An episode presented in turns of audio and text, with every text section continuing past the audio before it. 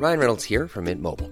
With the price of just about everything going up during inflation, we thought we'd bring our prices down. So to help us, we brought in a reverse auctioneer, which is apparently a thing. Mint Mobile unlimited premium wireless. Ready to get 30, 30, bit to get 30, bit to get 20, 20, 20, bit to get 20, 20, bit to get 15, 15, 15, 15 just 15 bucks a month. So, Give it a try at mintmobile.com slash switch. $45 upfront for three months plus taxes and fees. Promo for new customers for limited time. Unlimited more than 40 gigabytes per month. Slows. Full terms at mintmobile.com. Hiring for your small business? If you're not looking for professionals on LinkedIn, you're looking in the wrong place. That's like looking for your car keys in a fish tank. LinkedIn helps you hire professionals you can't find anywhere else, even those who aren't actively searching for a new job but might be open to the perfect role. In a given month, over 70% of LinkedIn users don't even visit other leading job sites. So start looking in the right place. With LinkedIn, you can hire professionals like a professional. Post your free job on linkedin.com slash spoken today. When you're ready to pop the question, the last thing you want to do is second guess the ring. At Bluenile.com, you can design a one of a kind ring with the ease and convenience of shopping online. Choose your diamond and setting. When you find the one, you'll get it delivered right to your door. Go to Bluenile.com and use promo code LISTEN to get $50 off your purchase of $500 or more. That's code LISTEN at Bluenile.com for $50 off your purchase. Bluenile.com code LISTEN.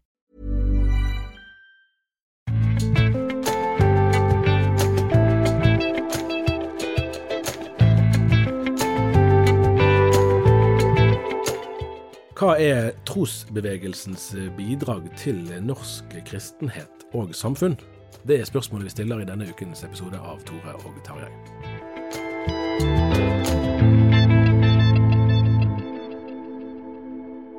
Her i studio sitter Tor Hjalmar Sævik og meg sjøl, Tarjei Gilje. Og vi har med oss kollega Eivind Algerøy. Velkommen tilbake. Takk for det. Du satt her for eh, ja, et par måneder siden eh, sammen med sjefredaktør Vebjørn Selbekk, og vi skulle snakke om den da nye podkasten om levende ords eh, vekst og fall.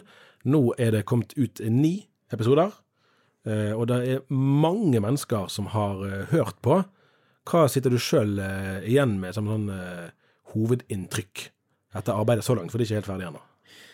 Nei, det er vel kanskje da at uh, dette var en historie som uh, Teorien vår var at det var en historie som ikke var helt avslutta for folk. Og da tenker jeg vel at vi har fått uh, bekrefta. At det var såpass mange som uh, fortsatt hadde ubesvarte spørsmål, kanskje uoppgjorte ting, og kanskje generell interesse for et så stort fenomen som dette her. Eh, så selv om noen hadde skrevet om det og så videre, så var det liksom ikke hele historien fortalt. Så det er vel kanskje det jeg sitter igjen med aller mest, at denne historien her, den, den var ikke helt avslutta. Hva sier du, Tor Hjalmar? Nei, jeg syns dette her har vært veldig fascinerende. Den er jo eh, mulig å se i sammenheng med eh, Rise and Fall of Mars Hill, som eh, mange mm. antagelig av våre lyttere også kjenner til, nemlig om denne her eh, dynamiske, nokså maskuline menigheten i Seattle som hadde ei eh, ei ja, enda mer dramatisk historie, og fikk, eh, fikk veldig stor innflytelse både i amerikansk kristeliv og, og, ellers. Men det forteller vel noe om et fenomen som tar opp i seg veldig mye eh, mer enn seg sjøl, egentlig. Det avspeiler en periode som vi har vært gjennom kulturelt, og, og, og, også med tanke på, på kristenliv i, i, Norge, som gjør at det, det, angår mange flere enn de som var med. da.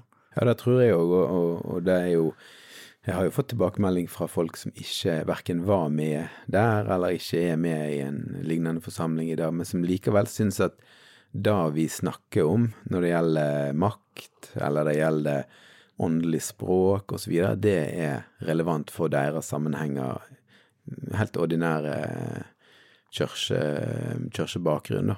En av de tingene jeg tenkte på der, var Jeg lurer på om det var Sten Sørensen, mangeårig pastor, som påpekte det at 80-tallet i Norge i kristeliv var preget av en liksom opplevelse av stagnasjon, og kanskje at det ikke skjedde så mye spennende. Det er sikkert mange som var engasjert på, på 80-tallet, sier at ja, da overser du det og det og det. Men, men uh, uansett så tenker jeg kanskje at det ligger et eller annet i um, en bevegelse eller et fenomen som appellerer til menneskets lengsel.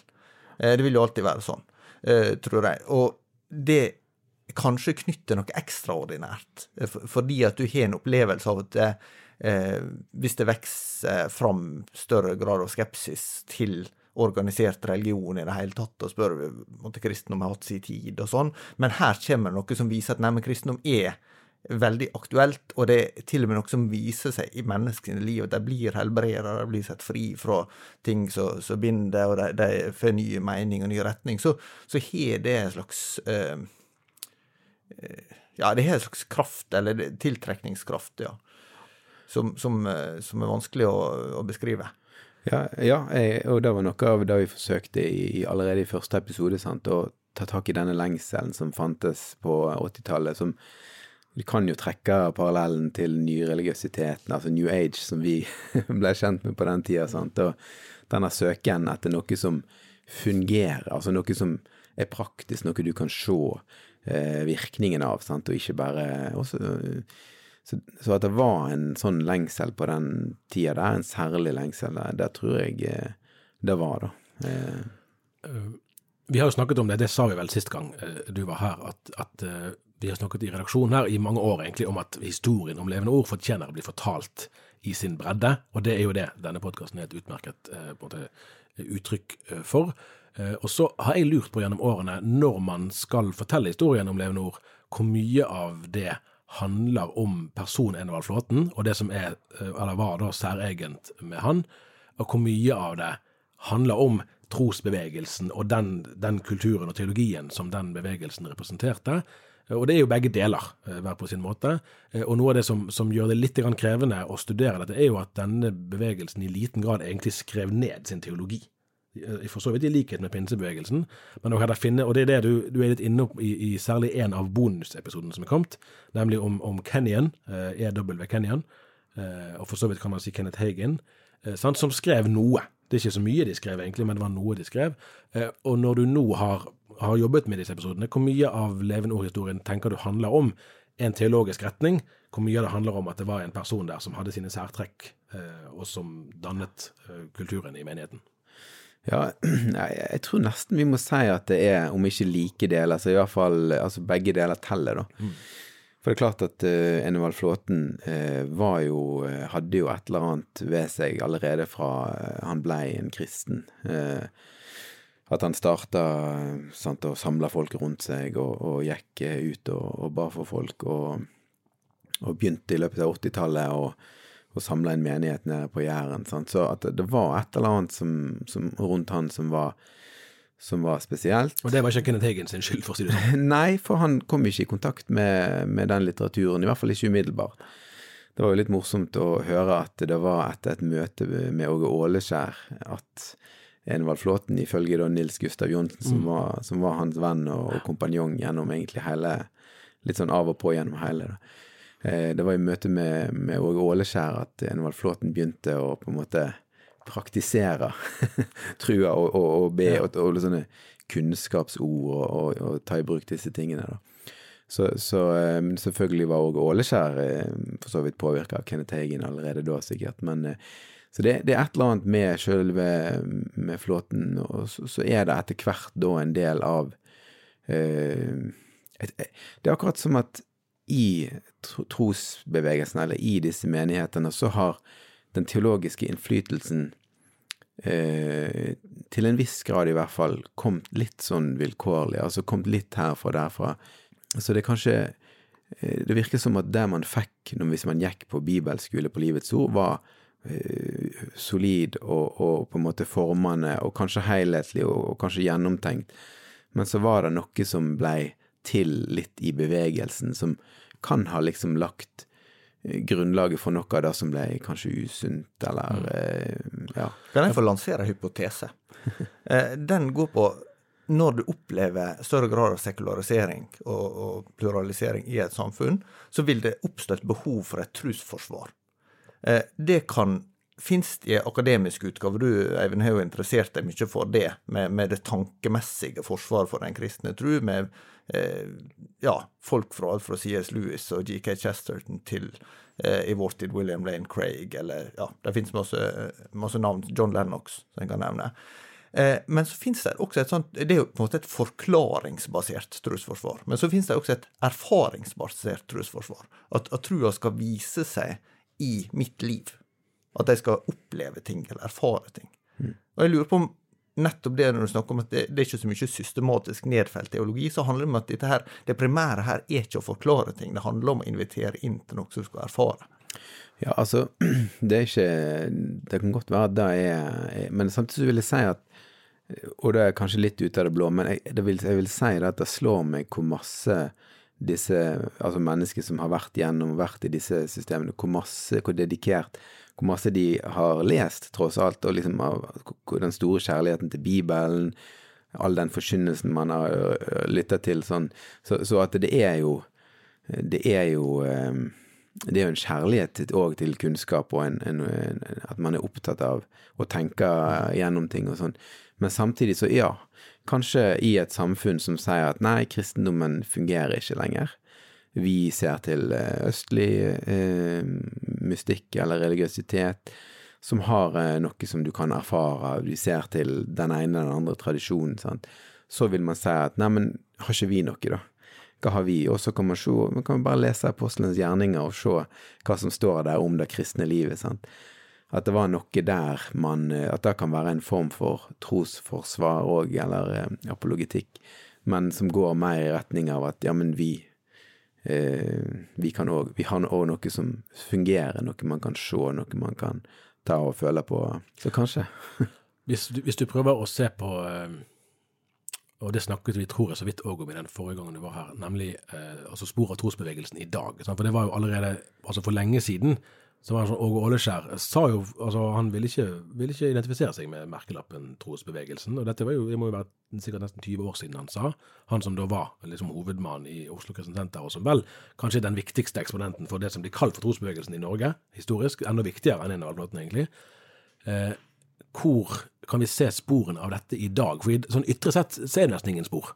Det er vel knapt noen menigheter i Norge i dag som vil si at vi representerer trosbevegelsen.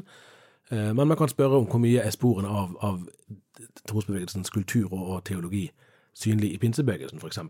Ja, jeg, jeg, vil bare skyte inn at jeg, jeg tenker at det, for de som ikke har noe forhold til, til trosbevegelsen, så skal du faktisk være litt spesielt interessert i dag for å, for å gå og vite hva det er for noe, så, så er det jo en slags Eh, ny bølge i forlengelsen av pinsebevegelsen, som tar oppgjør med mm. ting som jeg mente pinsebevegelsen hadde mist. Men er det sånn at sånn som Tarjei er inne på, at det nå på en måte er skylt, den, den bølga er skylt inn i pinsebevegelsen igjen? Ja, altså da er jo spørsmålet hva er unikt for trosbevegelsen, mm. og hva er egentlig bare en slags ny bevissthet av, rundt uh, f.eks. det vi kan kalle for karismatiske gaver, sant, eller, eller ja. Sånn, så, så, så um, Eh, det kan jo være at, eh, at trosbevegelsen har ført til en, en, ny bevissthet rundt en del ting i pinsebevegelsen. For eksempel? Eh, nei, altså ja, det er jo et godt spørsmål, altså. For du kan jo si at i, pin, i pinsebevegelsen i dag så er en del av de karismatiske gavene kanskje stilna litt, ja, sant. Men at man kanskje, kanskje har har blitt påvirka på det tidspunktet, i hvert fall, da, sant, og prega på det tidspunktet. Og du tenker kanskje på bevissthet rundt eh, nådegaver og nådegavene sin funksjon i menigheten osv. Kanskje da Men dette her er jo Vi er jo kanskje litt ute å teoretisere her, da. ja, for, for i, i, eh, det var kanskje ikke minst i episoden som du hadde med Andreas Gravdal, Eh, men òg i, i, en av bonusepisodene så er du innom litt om det med, med, hvordan man forsto helbredelse som en rettighet. For det er jo blant annet ut fra en utleggelse av, av en profeti fra Jesaja 53 i Det gamle testamentet.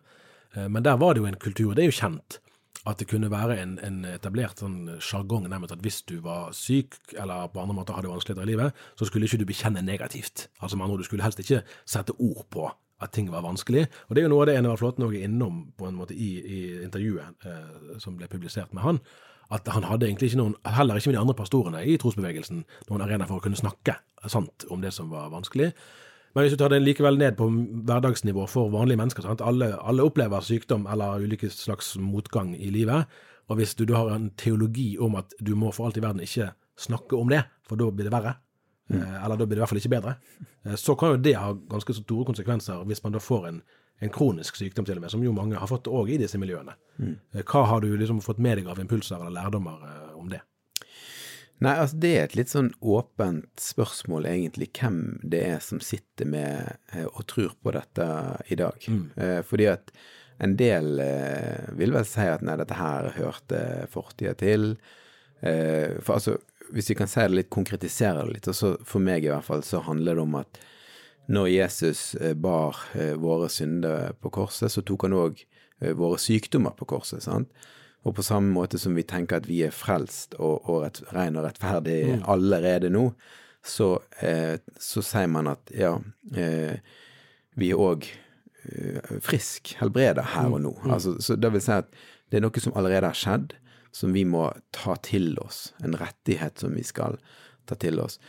Eh, noen vil si at det der er liksom vekke, men eh, min opplevelse, og det har jeg fått bekrefta, er at det er fortsatt en god del som, som tenker langs disse banene. Og jeg lurer på om er det sånn at eh, mange innenfor kanskje pinsekristendom, karismatisk kristendom, trosbevegelse, men òg kanskje i lavkirkelige miljø, blei påvirka av disse tankene, men så på en måte blei eh, så, så, så forsvant trosbevegelsen på sett og vis ut.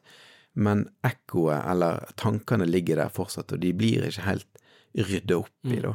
For det er klart at hvis du tror at det er en Det er ganske stor forskjell på å tro at helbredelse er en rettighet, noe som Jesus allerede har gjort, og som hvis du ikke tar imot den, så egentlig Eller hvis du er sjuk, sånn, så, så på en måte gjør du Jesu eh, verk på korset nesten overflødig.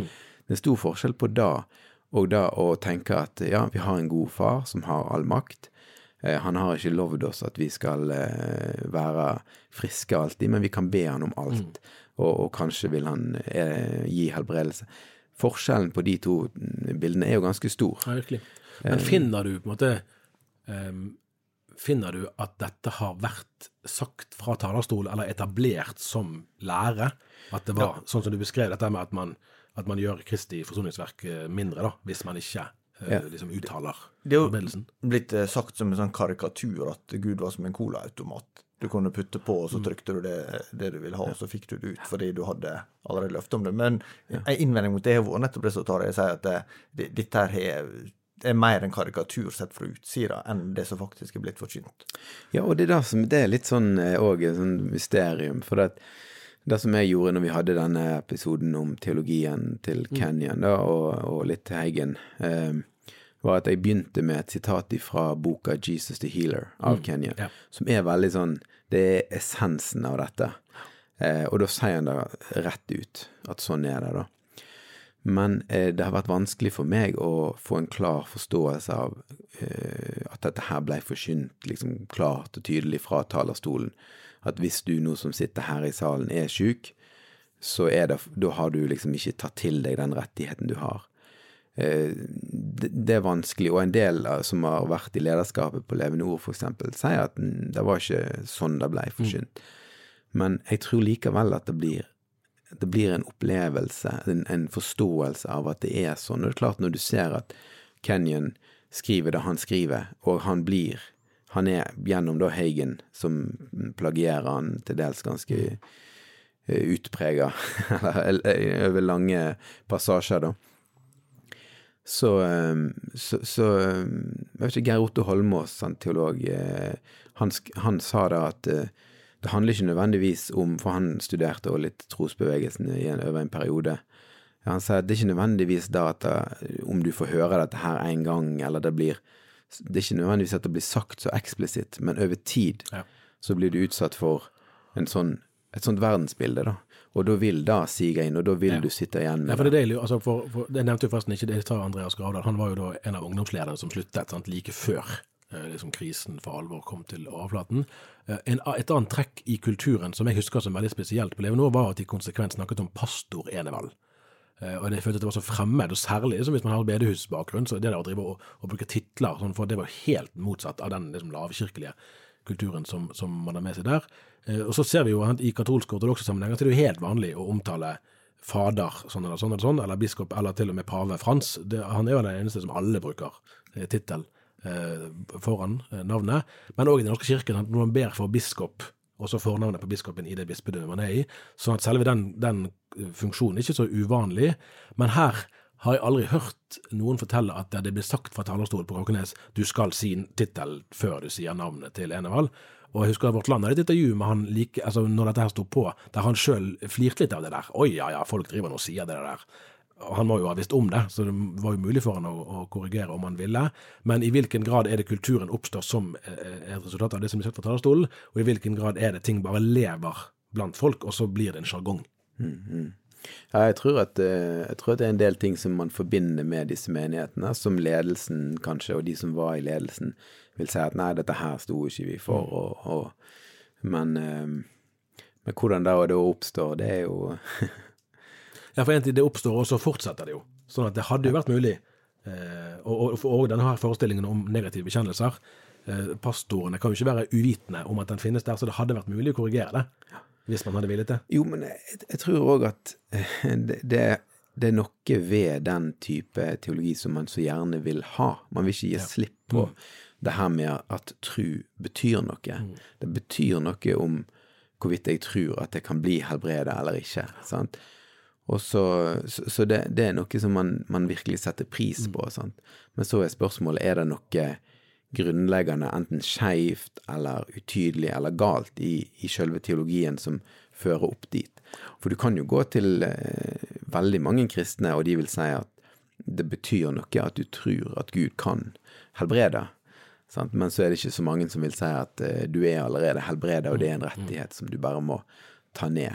Ja. Eh, Det, Der er eh, en referanse jeg kom på fra eh, langt tilbake i mitt eh, journalistiske liv. Det var da jeg intervjua Kjell Olav Sandnes, som var Ja. professor på MF. Ja, for det er egentlig en del på MF. Geir Otto Holmås er jo nevnt, sant? en av de som var der, som, som faktisk fordypet seg ganske mye i Ja. denne type teologi, og som egentlig kunne sagt Men dette var jo mer når, når bevegelsen var på høyden, kan du si. At Ja, var, for, for eh, Sandnes han, han er jo pensjonist nå, men han skrev i 2005 en bok som heter 'Det guddommeliggjorte mennesket og den menneskeliggjorte Gud', eh, som var en kritisk analyse av, av eh, teologien til Heigen. Eh, og, og det går jo egentlig litt på dette at det, det ene er jo dette å, å tro og ta imot, men hvis trua blir en slags autoritet Den brukte dette uttrykket 'å ta autoritet', eh, som, som kanskje gjerne blir forstått som at mennesket tiltar seg nesten Guds plass fordi at en kan fortelle ja, men jeg har rett på det, jeg kan bare si det. Eh, for sier jeg det med tru, så, så, så blir det sånn. Men, men da har en egentlig tatt mennesket ned på Nei, opp på Guds nivå, og Gud ned på menneskets nivå. Ja. Men er det gjenkjennelig, eller er det Jo, jo, det er jo det. Men samtidig så tror jeg eh, Altså, det er noen fortellinger og noen passasjer i Det nye testamentet som, som forteller, som gir eh, Som egentlig gir mennesket, og den kristne, da, eh, det gjenfødte mennesket, kan jeg si, eh, ganske stor altså, tilgang til store krefter, da, hvis vi kan si det sånn. sant? Og du ser at eh, altså, det er, det er heller ikke så enkelt som at vi bare skal være på nesten sånn passive, og, og hvis vi nå aller nådigst. Altså, det er en del passasjer som der, der, eh, apostlene, da, nå skal vi jo nødvendigvis ikke sette oss i deres sko, men likevel, eh, der, de, der, man, der det faktisk er snakk om å ha en viss eh, autoritet, eller, eller tyngde, eller trygghet i at nei, den eh, kraft som eh, reiste Jesus Kristus opp fra de døde, lever i oss i dag. Sånn. Så, så ja, eh, det, er jo, det er jo kanskje det som er faren. Og, og, men samtidig så tenker jeg at de som da er opptatt av dette her, vil kanskje si at ja, men helt passive skal vi jo heller ikke være, og autoritet har noe å si, kan du si, for um, Ja, det er, det er det er litt sånn dobbelthet i det, da. hvor eh, altså, i eh, Norske misjonsorganisasjoner er jo, er jo organisert rent sånn, altså sekulære strukturer, med, med flertallsdebatter og årsmøter og det hele. Eh, og det er jo òg et sted man kunne diskutere teologi. Absolutt. sant?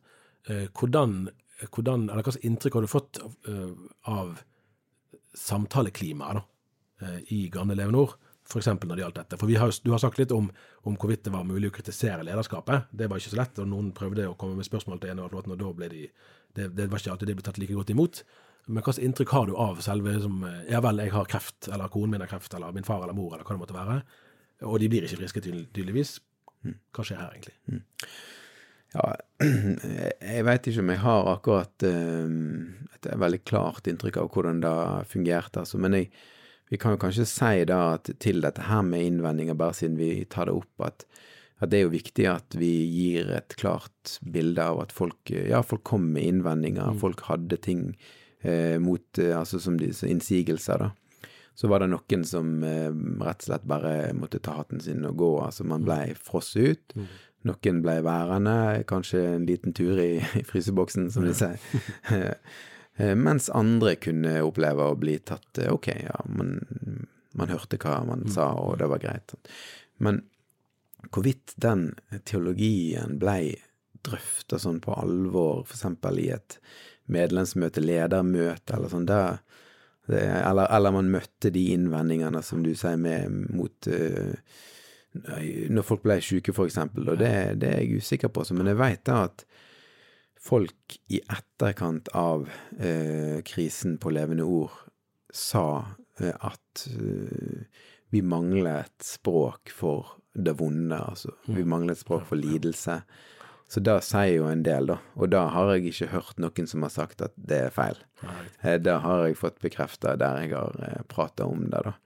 Jeg, jeg nevnte jo misjonsorganisasjoner. Jeg skulle også ha nevnt, altså for Pinsebevegelsen eh, har jo òg grunnleggende hatt en, en veldig demokratisk struktur. Den enkelte menighet er suveren, og der er det flertallet som, som, eh, som har hatt stor innflytelse. eh, Og, og det var vel òg noe av trosbevegelsens kritikk mot pinsebevegelsen. Den ble for tungrodd.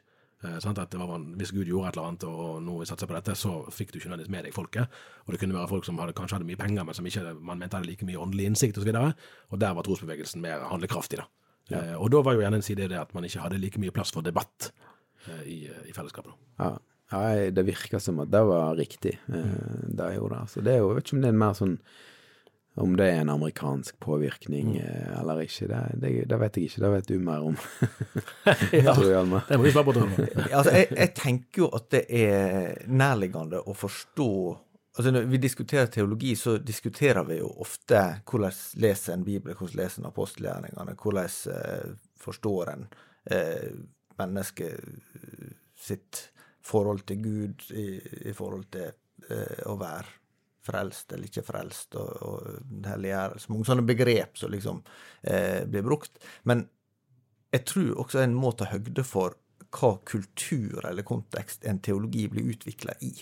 Og der, der tenker jeg at det, den eh, strømninga som som trosbevegelse eh, er, eller var, skal vi si det sånn, den, den bærer jo en god del preg av amerikansk kultur eh, når det gjelder eh, altså det, det, det er jo en, en eh, amerikansk teolog som sa at kristendommen begynte som en, som en bevegelse av truende rundt Jesus fra Nasaret, og så det, kom det til Hellas og ble en filosofi.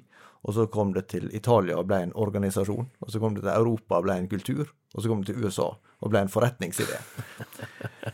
Og, og det er jo ikke fordi at jeg tenker at de som er karismatikere, tenker skal tjene penger på det. Det er ikke sånn det er forstått, men det er at du har et konsept som er eh, eh, ja, p- prega av at du, du har en klar idé som du samler folk rundt, et klart, enkelt eh, budskap, eh, strukturer som er funksjonelle.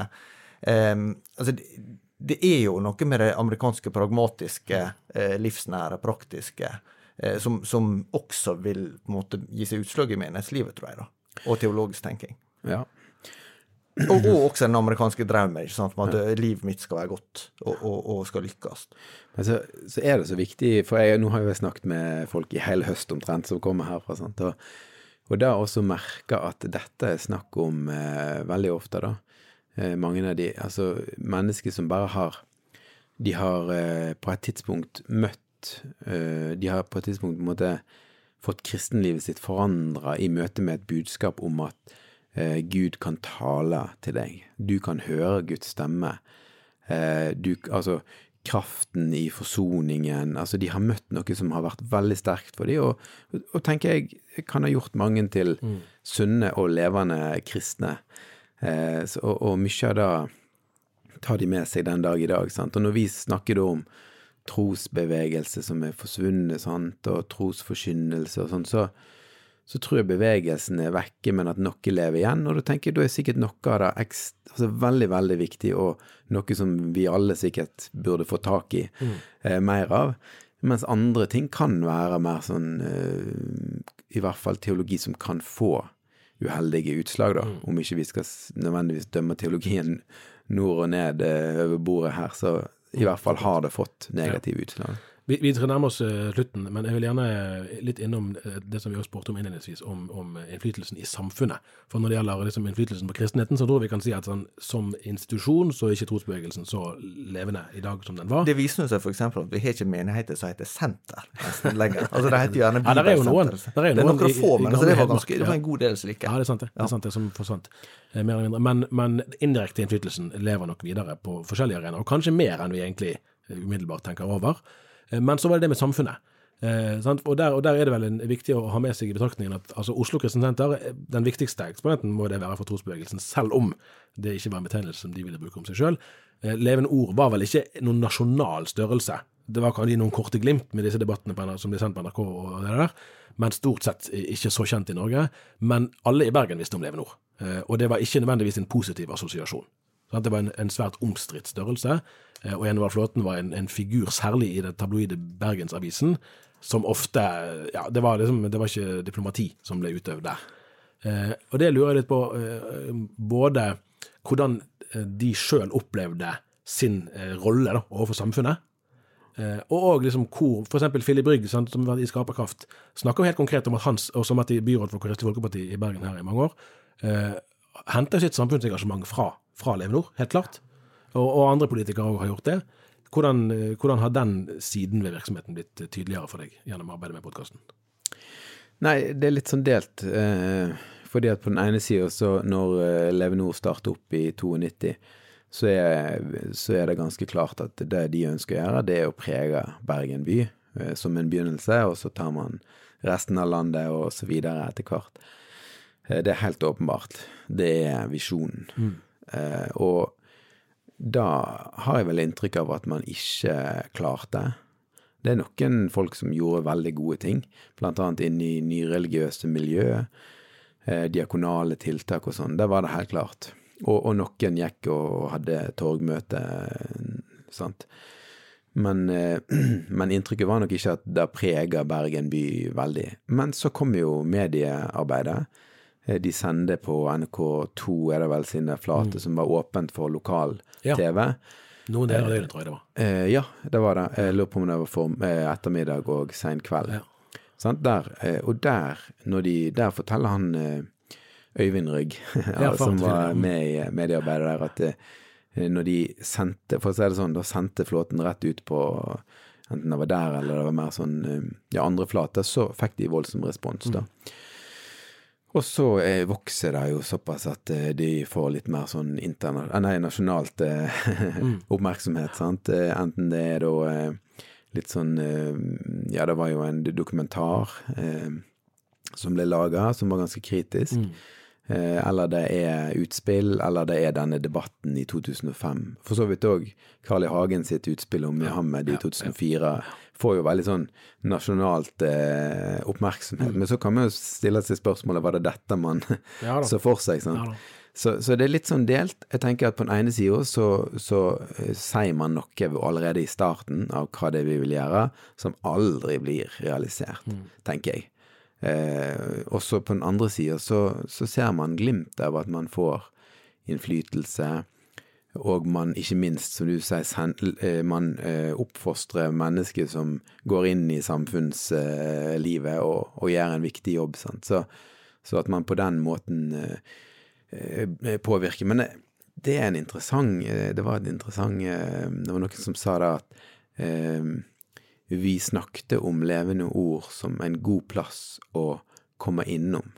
Det var en god plass å være et år, og så send, bli sendt ut. Eh, og det var jo òg litt av visjonen. Skulle komme der, gå på bibelskole, bli sendt ut. eh, Enten i regi av Levende Ord eller på andre måter. Sant? Men problemet var jo at folk ble værende. sant? Og da sa denne personen at de da snakket om at eh, Og da var uheldig, for da ble man påvirka av kulturen. Ja. Så det er veldig sånn delt, da. Som så mange ting. Vi bør vel til slutt nevne at uh, Eivind, du lager jo en podkast Ja, til. det, det i skulle snakke mer om, egentlig. Det glemte jeg. Eh, jeg som heter 'Pastoren og journalisten'. Du kunne si at egentlig var dette her et, et, et sånn bakprosjekt for å gi den nye emner. Ja, det har en nok fått. Men der, der teker dere Det rekker jo ikke å snakke om alt det i dag, da, men der tar dere jo blant annet eh, ja, både verdier og utfordringer som ligger i det å ha et aktivt menighetsliv, og kanskje litt av utfordringene særlig som mange mennesker i dag opplever. Eh, og det kan jo handle om alt ifra vanskelige erfaringer fra, fra tidligere til at en er blitt skuffa over andre kristne, til at en opplever at en ikke sjøl får orden på livet sitt sånn som en skulle ønske, eller Ja. Det, det, er, så, det er, så, mange ting, da. Men eh, folk må gjerne søke opp den også. Mm. Ja, altså det, det, var jo et prosjekt sånn helt kort som eh, Bjørn Steinar Haugland i Petro eh, og Kristian Lilleheim som var pastor, pastoren, mm. eh, vi trådte i gang. Og, og, det som vi utfordra på, var at ok, hvis man enten er ute av menighet, man har forlatt menighet, eller man er i ferd med å forlate menighet, så vil vi gjerne høre hva er det som gjør at du forlater, eller vil forlate, menigheten, da. Og tanken var da å få en, en diskusjon i studio som, der vi liksom tok disse opplevelsene på alvor. og og så i siste sesong eh, av den eh, podkasten så, så, snakket vi med mer sånn ja, mennesker som enten var pastor eller eksperter på ulike områder, og prøvde å stille disse erfaringene, stille de spørsmålene til disse ekspertene, da. Så um, det kan være rom for mer arbeid eh, der i tida som kommer. det vil jeg tro. Jeg tror vi sier det sånn jeg, i denne omgang. Lykke til med resten av arbeidet med podkasten. Der har vi to lyttet med stor glede, tror. Ja. Det har vi, så det blir interessant å, å fylle bonusepisodene. Absolutt. Det, der er jo ting som du, du sa sist eh, som, som, kan være ganske interessant, så vi veit er på gang. Ja. Veldig bra. Vi høres neste uke. Takk for nå.